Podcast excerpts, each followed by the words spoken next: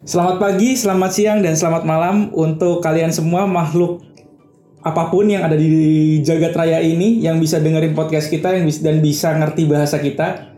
Baik lagi di Outer Circle, masih bersama gue Peter dan dua orang teman gue, Haikal dan Sabrina. Halo.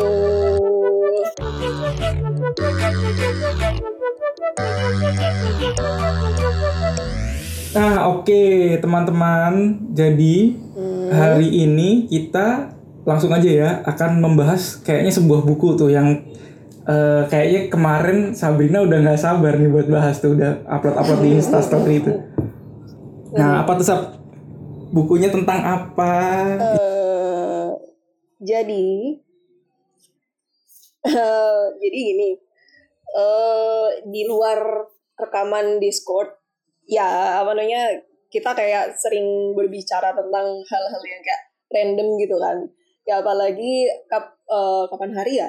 Kapan hari itu aku eh, sempet langsung chat ke chat ke grup dan bertanya tentang kayak hal-hal tentang ketuhanan seperti itu dan itu sebenarnya pertanyaan yang sering aku random tanyakan ke orang-orang yang apa namanya kayak aku baru kenal tapi aku tuh udah merasa cukup dekat cukup kenal mereka untuk menanyakan hal yang seprivate itu gitu.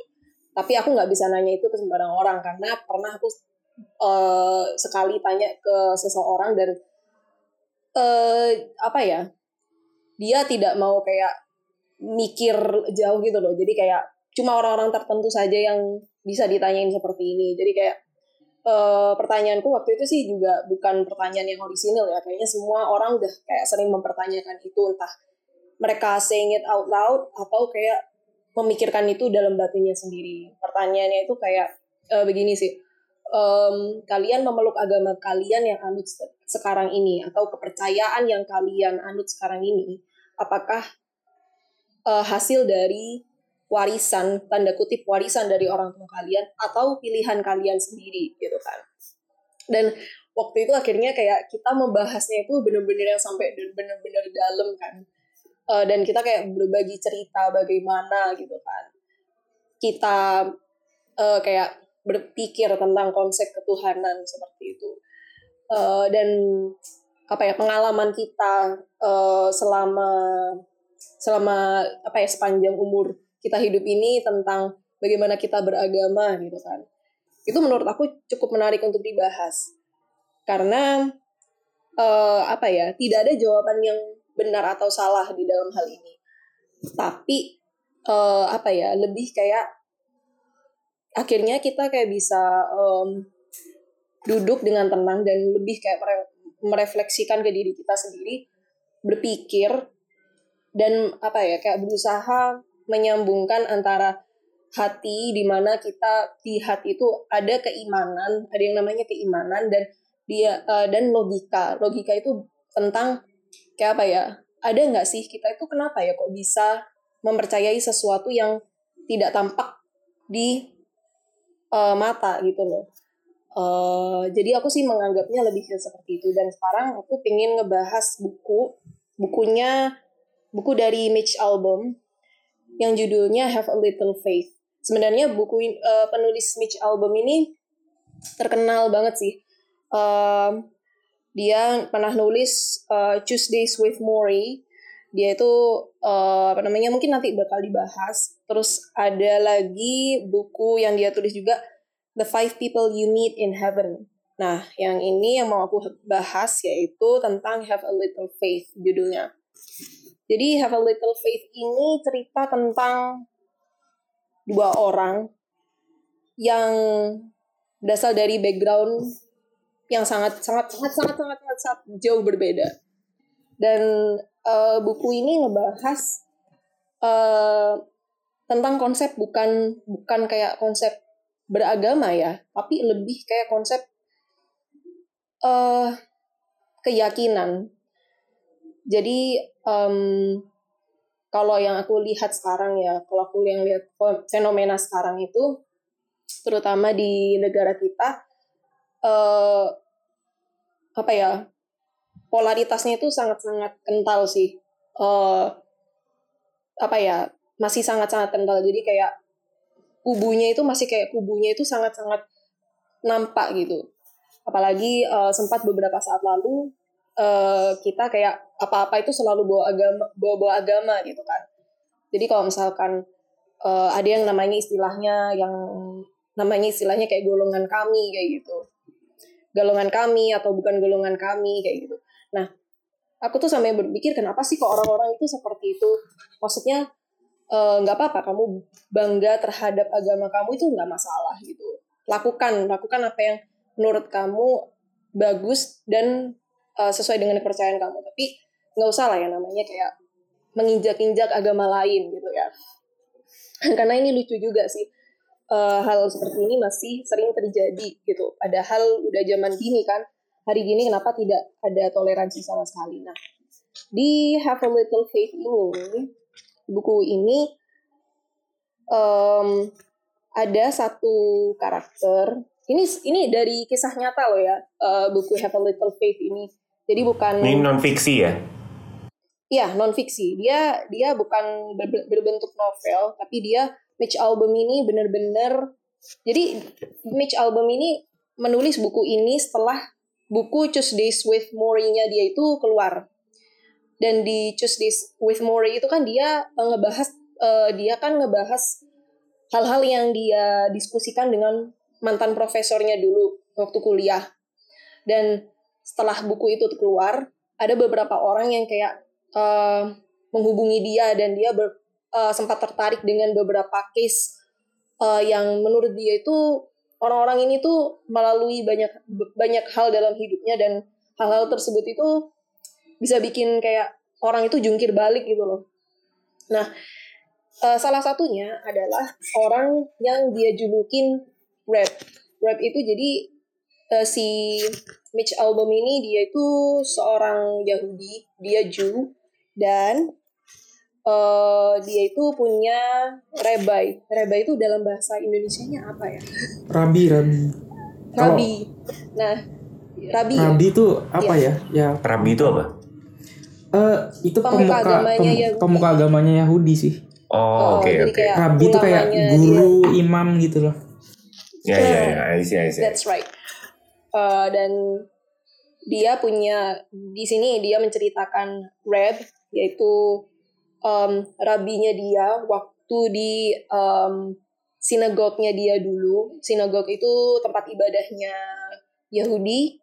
Uh, jadi dia itu Mitch Album ini waktu menulis buku ini tuh eh entah waktu menulis bukunya atau sebelum menulis buku ini dia practically udah menjadi seorang agnostik sih.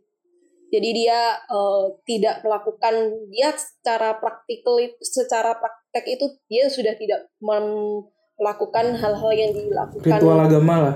Iya, ritual agama dia sudah tidak melakukan. Dan dia kayak udah meragukan kayak ya apa namanya uh, apa ya aku masih bisa hidup kok meskipun aku tidak menyembah Tuhan. Ibaratnya itu seperti itu. Dia dalam pikirannya udah seperti itu. Nah satu lagi, satu cerita lagi dia ngebahas tentang seseorang bernama Henry. Dan um, keduanya, Henry dan Rap ini benar-benar mempunyai latar belakang yang sangat-sangat-sangat berbeda. Dan um, aku tuh sebenarnya uh, sangat-sangat amazed ya dengan ceritanya si Henry. Karena um, ternyata uh, ada orang yang ada orang yang diberi kesempatan berkali-kali tapi dia nggak tobat-tobat tapi dia dikasih kesempatan lagi gitu loh. Jadi kayak personally I don't believe in second chances. Tapi si Henry ini dia diberi kes, diberi second chances. Bukan second chances ya tapi kesempatan kedua, ketiga, keempat dan sampai berkali-kali. Dan akhirnya dia uh, entah dalam suatu kejadian dia itu kayak gitu. Oke okay, ini saatnya aku tobat gitu. Oke okay, ini saatnya aku berbuat baik. At least berbuat baik gitu jadi di dalam buku ini tuh bukan hanya tentang kayak kamu harus mempercayai Tuhan. Enggak. Bukan hanya seperti itu. Bukan hanya tentang kayak konsep ketuhanan tapi bagaimana bagaimana caranya kita itu uh, toleransi dengan orang-orang yang beragama maupun yang tidak beragama atau kayak masih mempertanyakan Tuhan gitu. dan ini sih aku sampai tandain di buku aku di buku aku ini ada satu cerita yang menurut aku oh ternyata seperti ini ya. Aku dari dulu sebenarnya gini sih aku dari dulu sebenarnya itu ini sedikit sharing aja ya. Aku dari dulu itu kayak um, suka berpikir bagaimana sih rasanya menjadi ateis gitu. Karena seumur hidup aku benar-benar aku berpegang pada agama Islam. Uh, dan karena aku dulu di SD itu aku sekolah Islam dan karena keluarga aku itu benar-benar uh, apa ya secara sadar masing-masing dari anggota keluarga aku tuh benar-benar secara sadar uh, memeluk agama Islam. Dan aku tuh rasanya kayak kadang itu kayak mikir gimana ya rasanya tidak mempercayai adanya Tuhan? gitu. Kayak mungkin kalau misalkan orang mungkin lihatnya langsung kayak ih ampun astagfirullah saat gitu. Tapi ya kenapa kita tidak mempertanyakan sesuatu gitu kan? Sah-sah aja menurut aku. Nah di buku ini akhirnya aku kayak mengerti gitu kenapa kok um, apa ya rasanya nyaman menjadi orang beragama itu. Jadi uh, di buku ini yang pernah aku kirim ke kalian itu loh guys. Uh, ceritanya. Jadi ada seorang dokter dia ini ateis. Dia benar-benar tidak percaya Tuhan dan dia bilang um, ketika orang itu jadi ibaratnya gini ketika orang itu um, sakit uh, dia dia bukan datang ke Tuhan loh tapi dia datang ke aku dokter. Dan aku yang menyembuhkan mereka. Aku yang selalu menyembuhkan mereka. Bukan Tuhan yang menyembuhkan mereka. Logically make sense menurut aku. Karena ya orang sakit ya datang ke rumah sakit. Orang tidak sakit ya datang ke dokter minta obat supaya sembuh gitu kan.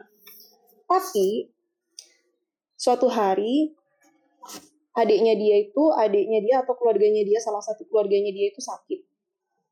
Lalu um, sakit dan dia bisa ngobatin.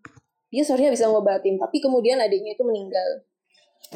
Nah akhirnya dia itu benar-benar yang uh, benar-benar blaming ke dirinya sendiri.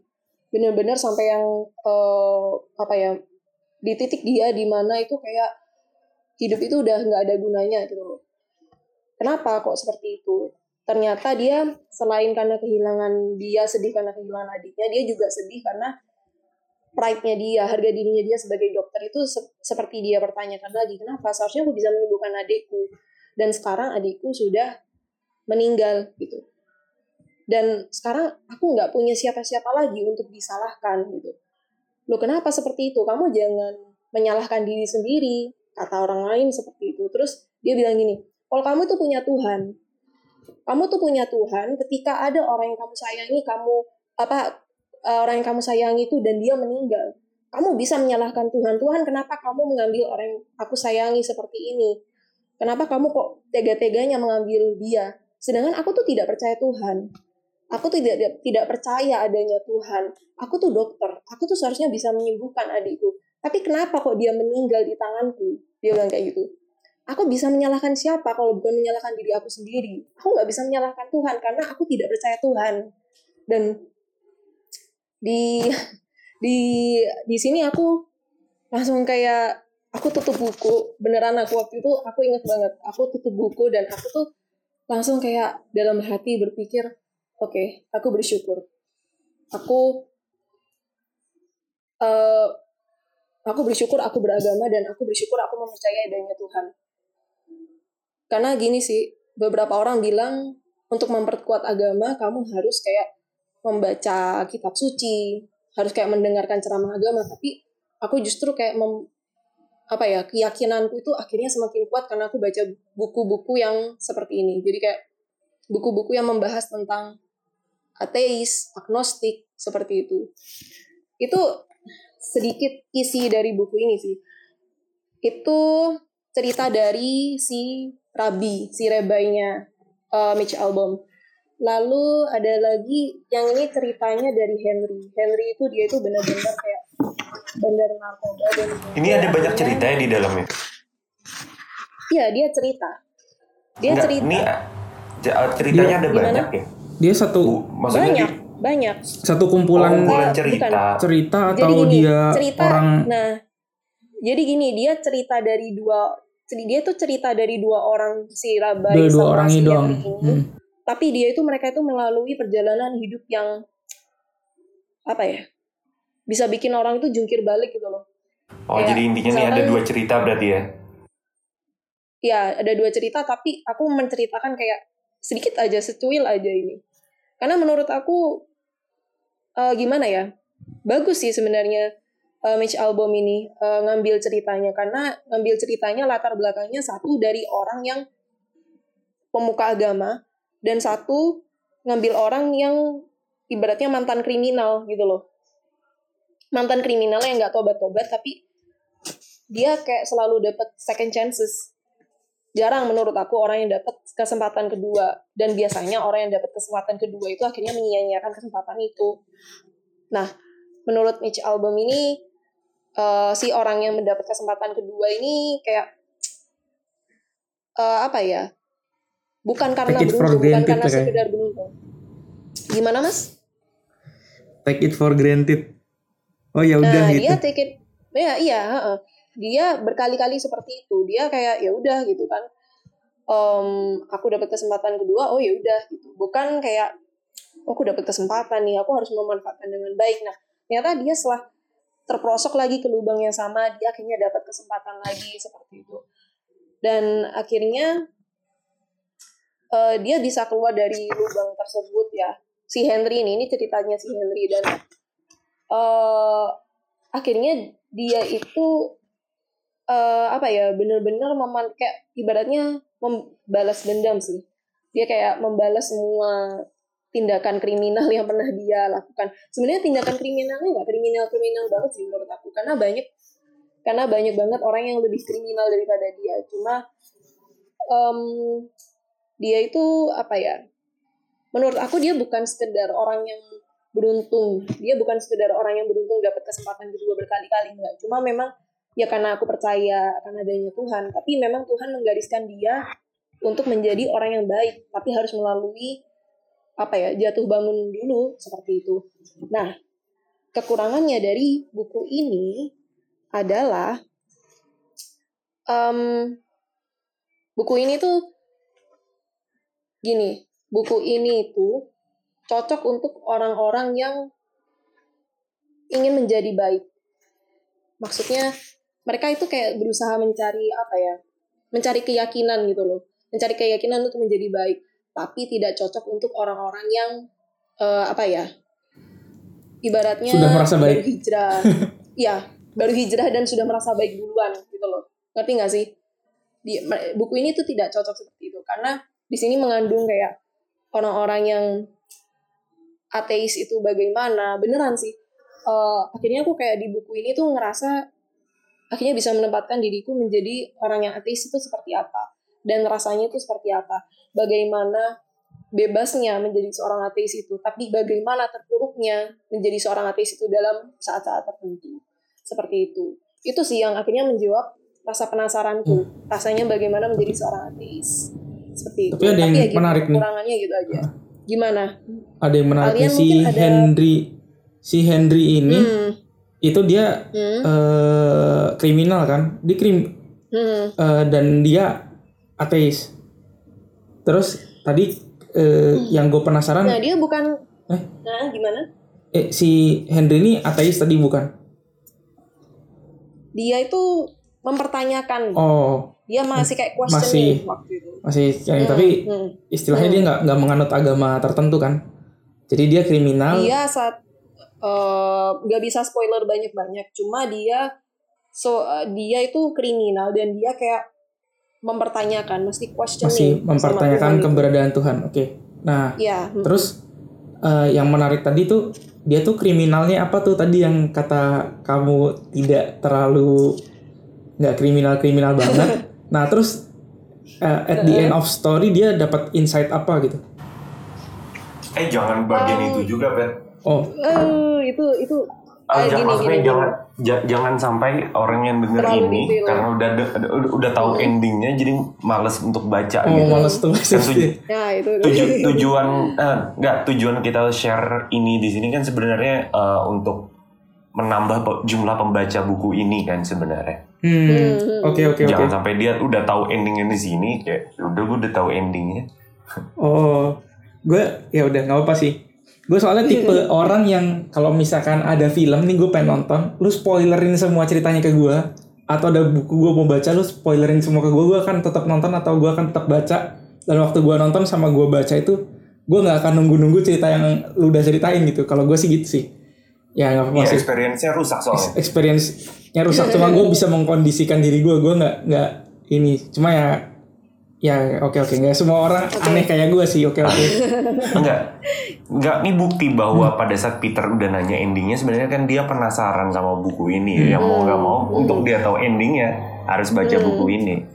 Dan Iya, untuk poin ini Sabrina berhasil berarti gitu kan.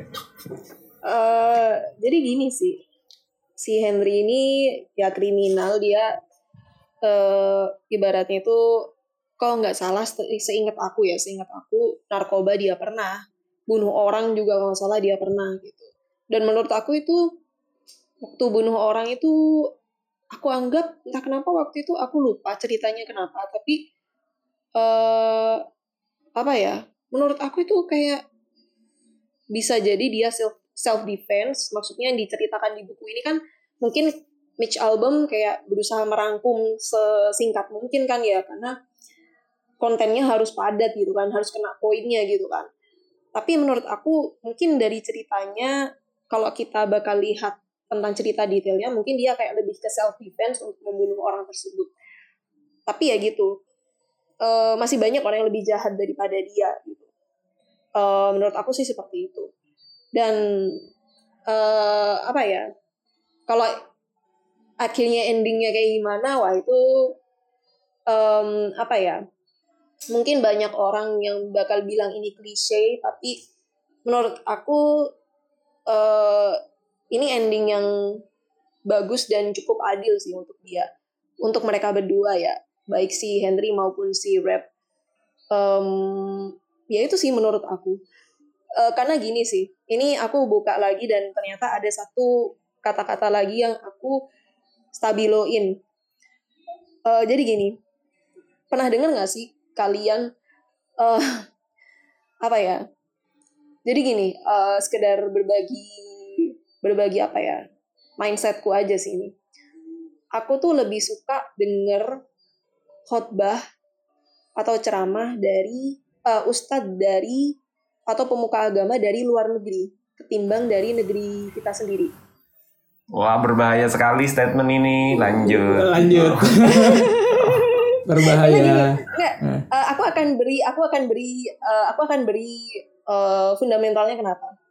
Karena gini, em, di dalam hal beragama, ketika kita mempelajari suatu agama, it takes a lifetime bagi kita untuk mendalami dan memperkuat keyakinan kita terhadap agama yang kita yakini.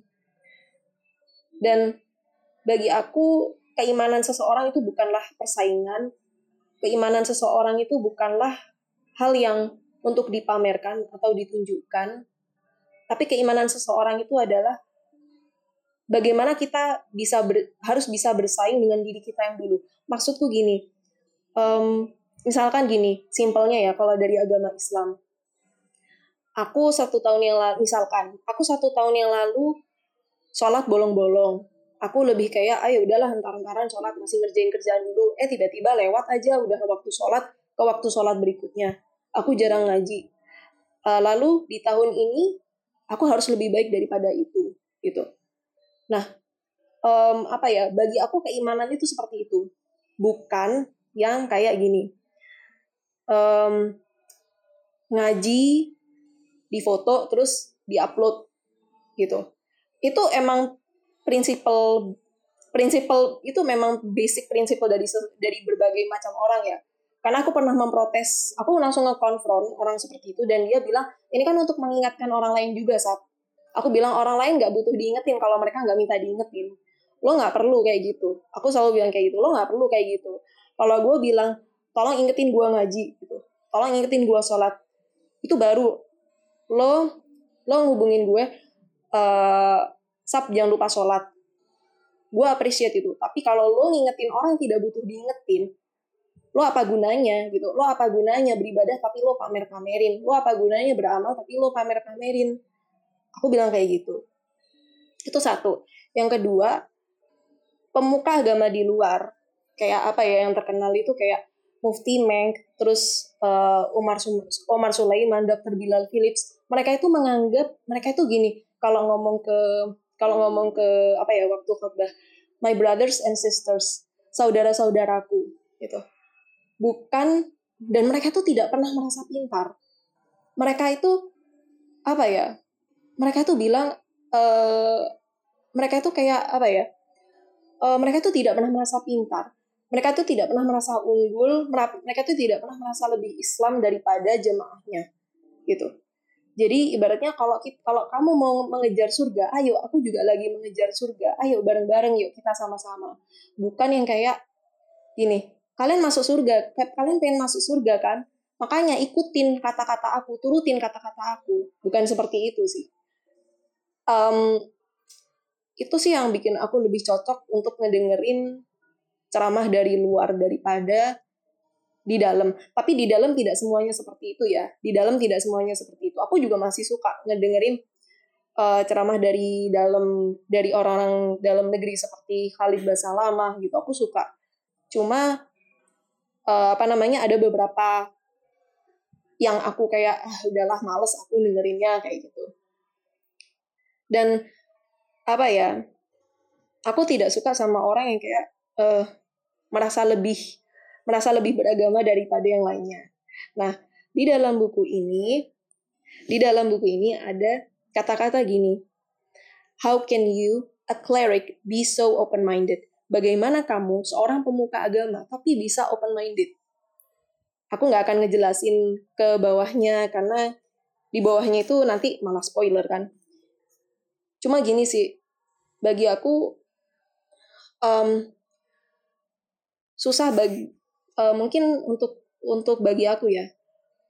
Um, untuk aku yang sekarang ini mungkin kalau uh, kalau semakin sema, uh, semakin beragama, semakin kuat agama seseorang, kadang itu dia menjadi menganggap segala sesuatunya itu kayak bertentangan dengan agama. Kalian kok diem? dengerin Sabrina. Kita mendengarkan dengan sama. Jadi gini gini gini gini. Kita gini. lagi mendengarkan khotbah. Bukan khotbah sih sebenarnya, cuma gini Kalian pernah nggak dengar kalau TikTok itu haram? Nggak. Kenapa? Nggak pernah. Kurang masih. kurang aman ya? Kurang aman ya? Kurang aman ini kah kontennya? Nggak, nggak, nggak. Maksudnya nggak pernah emang benar nggak pernah. Oke. Okay. Satu nggak download gini. TikTok, yang kedua nggak nggak ya nggak tahu aja. Nah, uh, aku sendiri aku nggak pernah download TikTok dan aku kurang suka sama kontennya TikTok gitu. Hmm. Cuma tapi kemarin waktu, waktu gue kasih yang di bioskop itu keren kan? keren keren sih itu gila keren banget itu beneran. Untung bukan konten joget-joget, aku udah kayak lah ini paling joget-joget. enggak alhamdulillah gitu kan mataku terselamatkan. Jadi gini, sempat ada bilang sih, ah TikTok itu haram, TikTok itu haram kayak gini gini gini gini segala macam. Karena menurut aku I don't know. Mungkin kayak karena kontennya cewek-cewek pakai pakai baju yang pakai pakai baju tank top yang kekurangan yang, yang perutnya kelihatan. Yang haram kan yang haram kan berarti kontennya kan, bukan TikToknya nah, kan. Bukan TikToknya kan. Nah, uh, maksudnya bukan aplikasinya um, ya kan.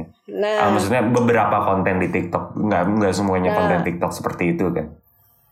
Nah, logically bener, logically bener katamu kalau uh, itu yang aku pikirkan ketika ada yang bilang ah TikTok itu apa namanya nggak bagus haram kayak gini gini gini segala macam. Um, tapi uh, salah satu pemuka agama di luar Mufti Meng dia tuh bilang kayak gini bukan aplikasinya yang haram gitu. Kalau kamu mempergunakannya dengan baik ya itu nggak haram gitu. Kayak gitu. Dan sedangkan di negeri kita sendiri udah kayak udah memaki-maki yang namanya TikTok gitu loh dan itu ada beberapa ya uh, gimana ya orang-orang yang menurut aku bukan kolot ya cuma kayak hmm, kurang bijak aja dia berkata seperti itu. Uh, apa ya kayak me, kayak menyalahkan sesuatu gitu loh. Menyalahkan sesuatu yang kayak di luar kendalinya mereka gitu. TikTok itu kan kontennya TikTok itu kan di luar kendali kita sih. Kita yang bisa mengendalikan kita ngefollow gimana. Instagram lah aku kan yang bisa mengendalikan Instagramku aku bisa follow siapa aku bisa Iya. blog siapa aku bisa unfollow Betul. siapa gitu kan Dan yang Kan muncul. Dan- yang muncul di explore dan juga hal- kan terbukti iya ternyata Ah, yang jadi- kita follow ini beda. enggak jadi Mas Peter emang gimana? ini ini perlu diketahui semua ya. Eh ya, kali ini kita nggak akan bahas privacy data lah ya. Cuman intinya Mhm. eh, algoritmanya apa pun yang di sosial media, bahkan Google pun dia akan selalu menyuguhkan apa yang kalian sering search sih. Hmm, hmm. Jadi That's apa right. yang kalian apa yang kalian lihat adalah apa yang kalian suka sebenarnya. Makanya pada saat Peter membuka sosial media, ternyata gue gak tahu sama sekali apa yang dia buka ternyata ya. Karena kita Iya, bahas di benar. episode yang berapa waktu itu, Ya episode 7 Peter ya. banyak ba- ya karena karena kebetulan yang kita searching dan apa yang kita suka berbeda gitu. Jadi pada saat ngelihat sosial media, percayalah itu adalah cerminan diri kalian. Betul. Eh, jadi Tapi- bahkan sekarang AI Hmm, itu jauh lebih mengenal eh, eh, eh, artificial intelligence yang sekarang di ya apa pun di HP kalian kenyataannya bahkan lebih kenal diri kalian daripada kalian sendiri sih. Betul sekali. Iya, iya. Soalnya Betul, betul, dia betul. pengen berlama-lama ada di situ. Nah, jadi bisnisnya Ah, juga iya. di situ tuh. Lu dikasih iklan segala macam juga. Ya itu yang lu biasa cari sih. Yang Iya. profilnya cocok. Iya. Apa yang apa yang lu suka sih. Jadi Mhm. misalnya dia lu lama buka sesuatu, dia akan nganggap oh, nih Peter suka ini gitu. Contoh misalnya gini, eh, di sosial media gua eh, itu banyak banget eh di rekomendasinya tuh game-game kayak gitu. Iya karena dia tahu bahwa inilah cerminannya Haikal gitu bahwa dia suka suka bermain games gitu. Hmm, hmm, hmm. Iya, Jadi jangan nyalahin itu emang cerminan diri Anda yang suka iya. Mbak iya, Mbak iya. joget. Nah, Yang suka lihat Kan- joget-joget. kan eh, gimana ya Eh, berpikir itu jadi gini sih eh apa ya aku tuh eh kayak berharap pada diriku sendiri em, semoga aku menjadi orang yang eh apa ya lebih eh gimana ya lebih lebih kuat dalam meyakini agamaku tapi aku tidak tidak apa ya tidak tidak apa ya tidak yang seperti pakai kacamata kuda ketika melihat dunia ketika melihat dunia luar dunia di luar agamaku gitu loh. Ngerti nggak sih maksud kalian? Hmm, ya. aku tuh berharap banget untuk seperti itu. Karena kalau misalkan aku sampai ma- pakai kacamata kuda dan aku bener-bener eh, melihat eh, semua yang ada di dunia ini eh, kayak eh, gimana ya ketika ada sesuatu yang tidak tidak tidak sesuai gitu ya eh, lalu aku langsung kayak bilang sorry lah ya sorry lah ya ini bakal kayak mungkin kalau misalkan orang yang denger bakal kayak ada yang tersinggung karena pernah melakukan hal seperti itu atau bagaimana oh kafir lo gitu. Bukan golongan kami yuk. Kayak gini aduh ah apaan sih? Gitu. Karena ini buku ini ini buku ini sebenarnya hadiah loh dari sahabat aku hadiah ulang tahun dari sahabat aku dan em, apa namanya waktu waktu itu waktu itu aku kayak eh, lagi apa ya kebetulan kayak lagi apa ya butuh suntikan apa ya bukan butuh butuh suntikan apa ya butuh kayak siraman rohani tapi eh, dari perspektif luar agama gitu dan ini buku ini kayak ngejawab sih ngejawab banget em, apa ya merasa disiram lah ya. iya disiram di disiram oh ya kayak ngejawab eh, apa ya ibaratnya agak jijik sih Ya. sebenarnya yang ngomong kayak gini cuma kayak oh ini ya ternyata aku bersyukur sih ini temanku si sahabatku yang ngasih ini namanya Astari dia ngasih ini wih ini buku yang aku butuhkan Kayak banget kenal. aku baca anjir Junior Kenal kita ya itu.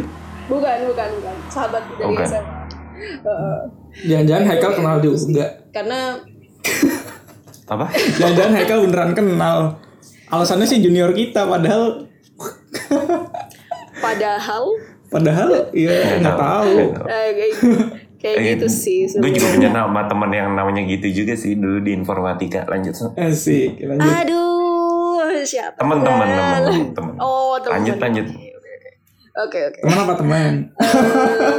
Balik lagi. Eh, lanjut lanjut. Kenapa jadi bahas Mau cewek ya? Lanjut. lanjut, kayak lanjut. gitu aku mau ngomong kayak gitu Eh, terus em, apa lagi ya buku ini ya Eh, ya ini sih aku kekurangannya sih ya itu sih buku ini not everyone terutama Itu bukan Orang-orang kekurangan yang sih. kayak- gimana Eh, mas- eh, pada saat ngomong buku itu memiliki kekurangan, contoh misalnya eh, penggunaan diksinya kurang bagus atau ada beberapa beberapa chapter yang menurutmu ada Ah. lubang cerita. Cuman kalau pada saat ngomong segmentasi ya itu bukan kekurangan buku sih.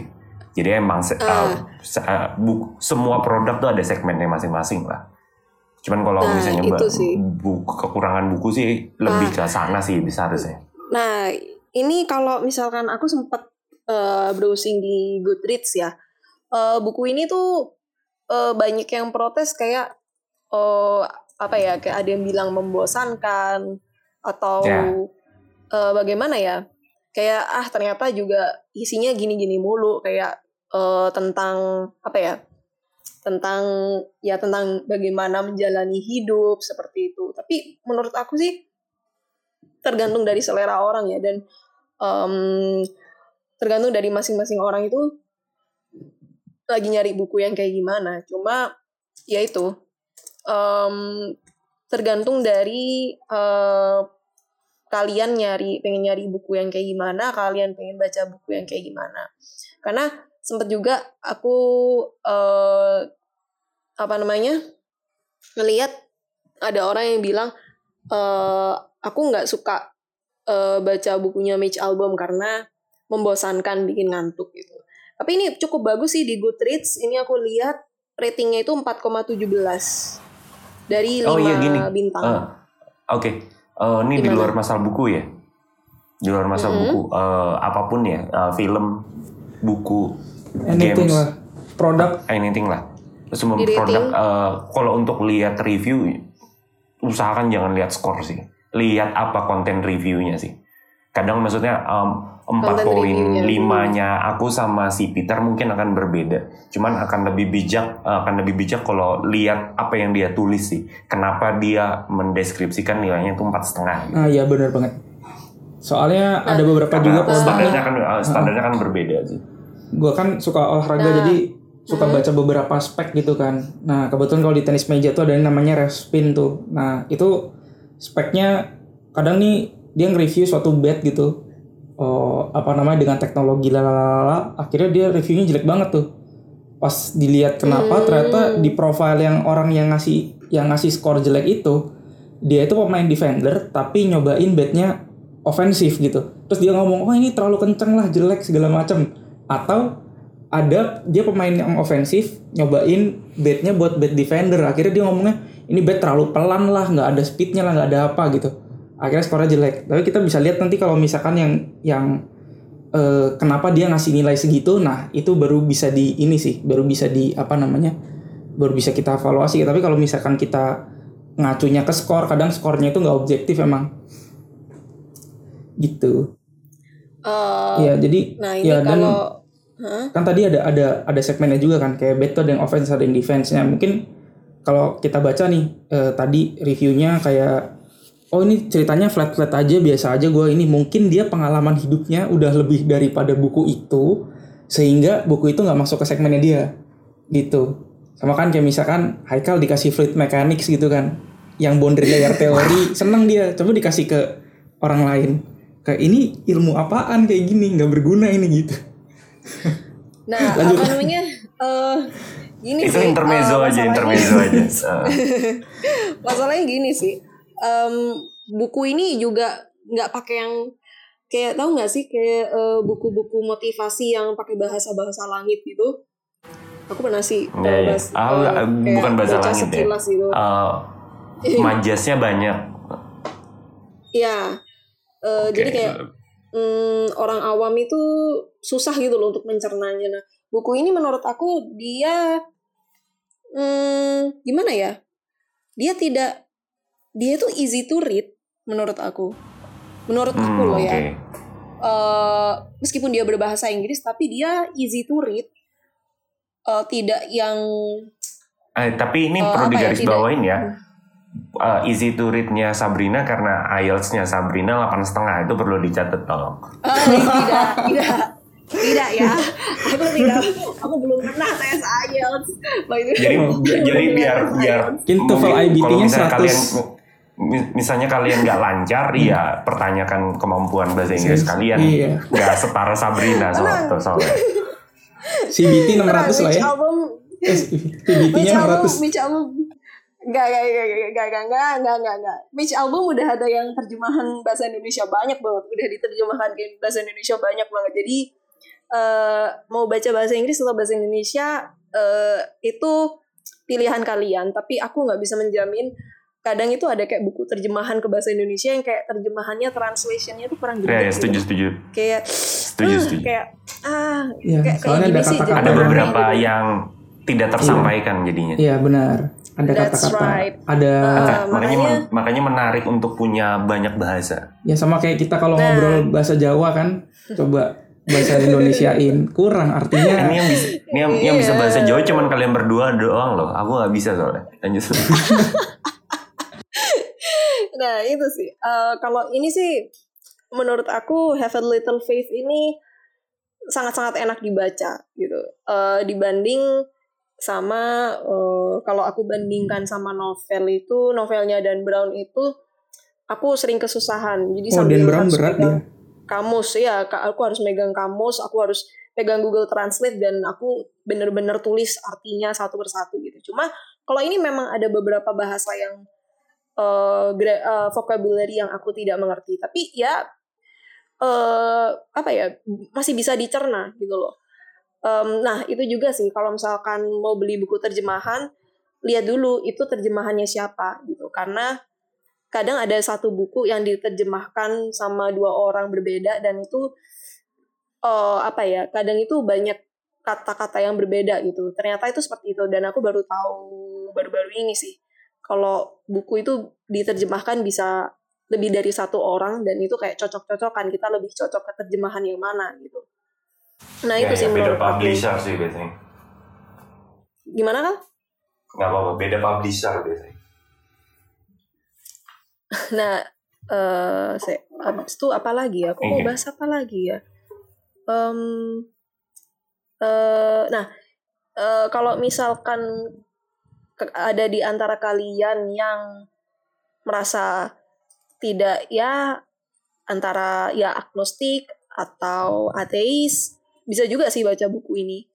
Eh, maksudnya jangan memandang buku ini sebagai eh, apa ya kayak buku ini pengen khotbah mulu gitu loh. Kayak mengajak kalian untuk ayo apa namanya kayak beragama ayolah tobat gitu. Enggak sih. Cuma ini lebih kayak buku ini juga selain buku yang kayak eh, membahas tentang keyakinan tapi juga buku ini membahas tentang kemanusiaan gitu buku ini sangat sangat sangat sangat human. Maksudnya sangat sangat manusiawi. Eh, dan itu eh, penting sih. Penting untuk apa namanya penting sih untuk em, kita sebagai bagaimana menambah keimanan seseorang. Karena kadang itu eh, orang-orang itu em, kalau merasa sudah paling beriman kadang sisi sisi manusiawinya itu juga hilang misalkan kayak em, apa ya kayak kasus-kasus ini agak agak sedikit sensitif mungkin dia dengan eh apa ya maksudnya mungkin Mas Peter atau Haikal bilang ah udahlah ini nggak usah dimasukin ya nggak apa-apa sih gitu. Tapi eh, kayak misalkan yang sering sekarang sering dibahas itu LGBT gitu kan. Em, gimana ya dari sisi agama itu memang eh dari sisi agama Islam sih itu memang memang dilarang. Tapi bagi aku apakah dengan ngebully atau menyiksa atau membunuh LGBT itu dibenarkan? Ah menurut aku itu menurut aku pribadi itu tidak akan tidak akan mengatasi masalah. Itu just, justru malah kayak membu, uh, membuat runyam gitu ya. Dan aku yakin sih kalau orang yang kalau orang yang agamanya kuat mereka tidak akan sampai yang uh, mereka tidak akan sampai yang kayak uh, apa ya berani menyakiti atau uh, membunuh seperti itu. Mereka tidak hilang mereka tidak akan kehilangan sisi manusiawinya sih kalau misalkan orang yang beriman beneran ya. Mereka tidak mereka menghadapi kayak masalah LGBT itu tidak dengan yang cara-cara seperti itu sih menurut aku seperti itu. Itu sih halo ya Iya. Jadi uh, kita terpana. mendengarkan aku aku kadang kayak merasa terpana kok. insecure loh aku merasa No. insecure loh kalau misalkan kalian diem aja gitu jangan-jangan ketiduran kayak aku kemarin gitu kan aku merasa insecure loh kawan-kawan Nggak, jadi uh, uh, oke uh, kalau aku nggak akan bahas konteks uh, masalah Tuhan dan sebagainya lah. Uh, lebih ke arah bukunya aja. Uh, yang pertama ini kenapa namanya podcastnya Outer Circle? Uh, karena uh, buku yang dibahas Sabrina adalah bukan segmen yang di toko buku yang bakal aku datengin. Karena kalau aku beli buku itu biasanya pasti satu bukunya buku fiksi. Kalaupun harus buku non fiksi eh, kan buku-buku yang Peter sebut tadi lah yang cukup teknikal. Eh, jadi ini adalah benar-benar outernya aku lah Eh, karena satu emang belum pernah tertarik ya bahasanya belum lah yang kedua biasanya covernya biasa aja karena aku adalah Iya, orang iya. yang benar-benar judge the book by the cover Oh. aku juga seperti itu Cuman Terus?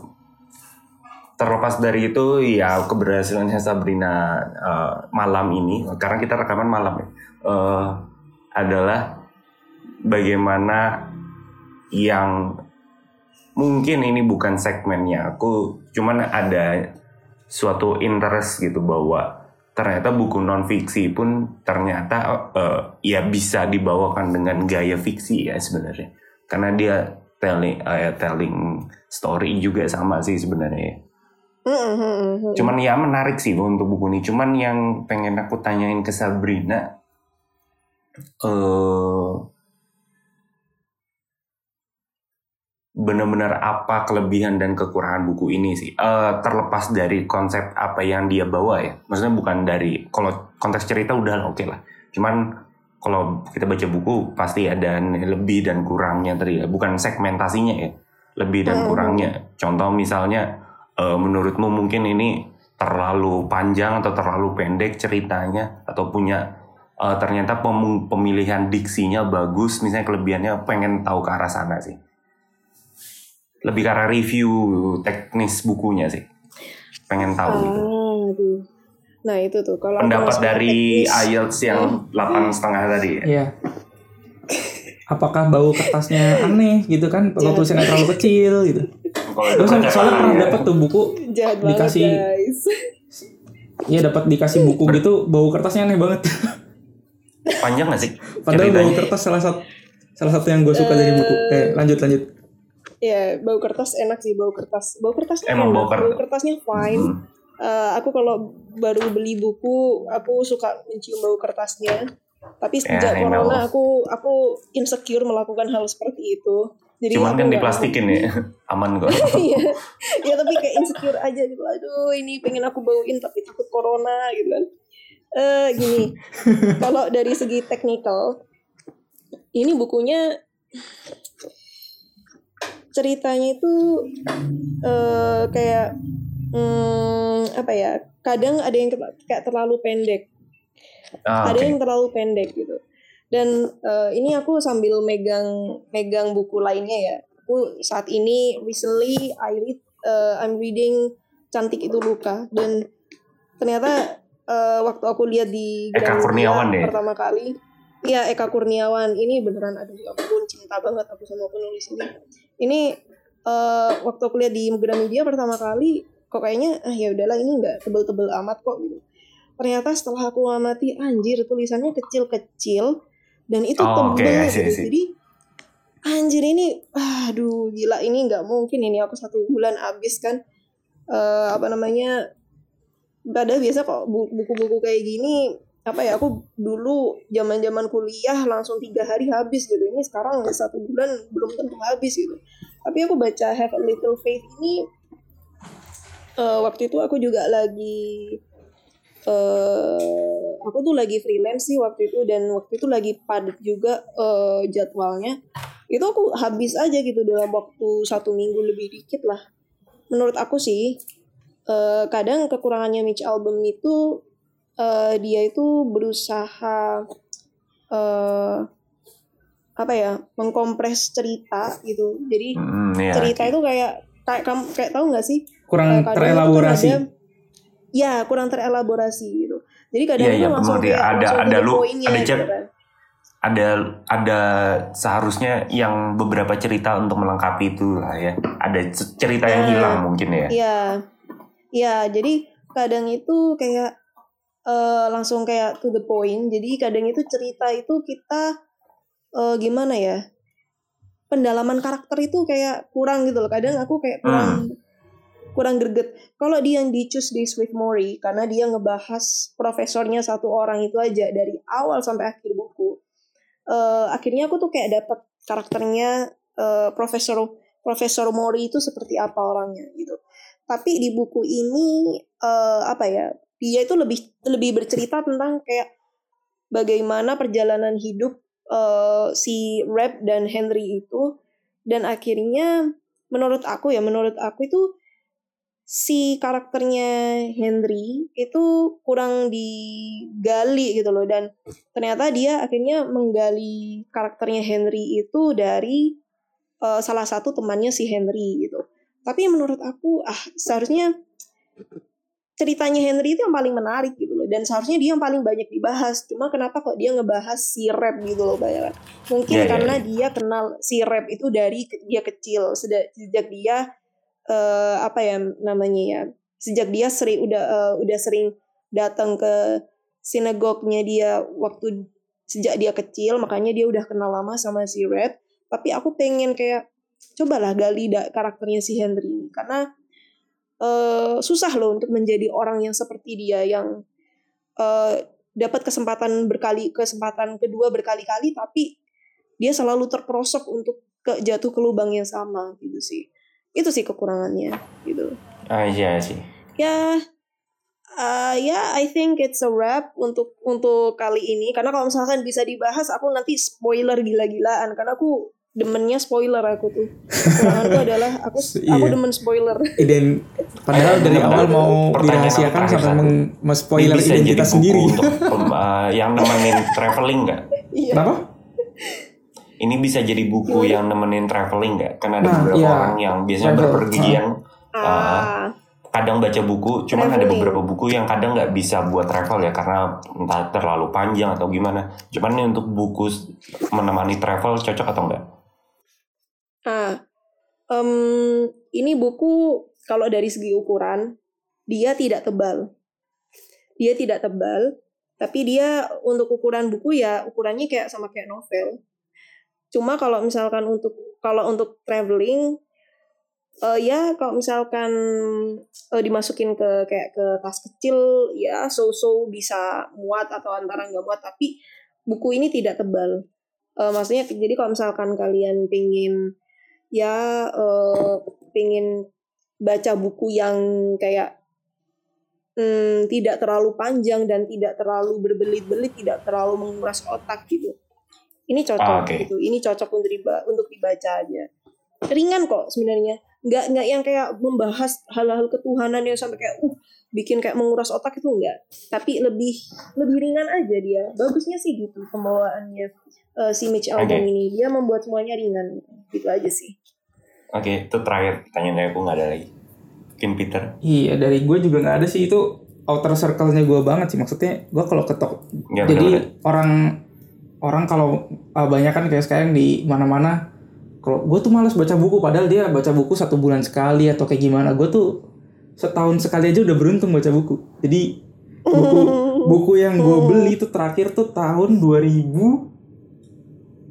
2016 2017 udah tiga tahun lalu tuh, Oh, udah tuh, lama terakhir gue beli tuh itu novel. Jadi gue tuh suka tuh eh, kalau nggak novel detektif terus ya novel-novel yang eh, romantis tapi ceritanya maksudnya ceritanya menarik gitu. Biasanya ada eh, jadi yang gue beli tuh kayak ini Let It Snow karyanya John Green. Nah itu dia tuh terbagi menjadi beberapa John Green cerita emang ih keren sih. yang gue sangka tuh ceritanya beda. Ternyata cerita pertamanya itu sama terakhirnya tuh nyambung tokoh-tokohnya gitu Eh, John Green emang jenius Ya, sih. gila sih. Nah, terus- gitu. dan gue suka buku itu yang kalau gue baca itu kayak gue nonton film gitu nah kebaca nah terus Ah, yang baru-baru gue beli juga. tuh setelah tahun 2017 terakhir nih, eh, tahun ini nih ada eh, Timothy Walker ini bukunya udah agak lama sih Sel.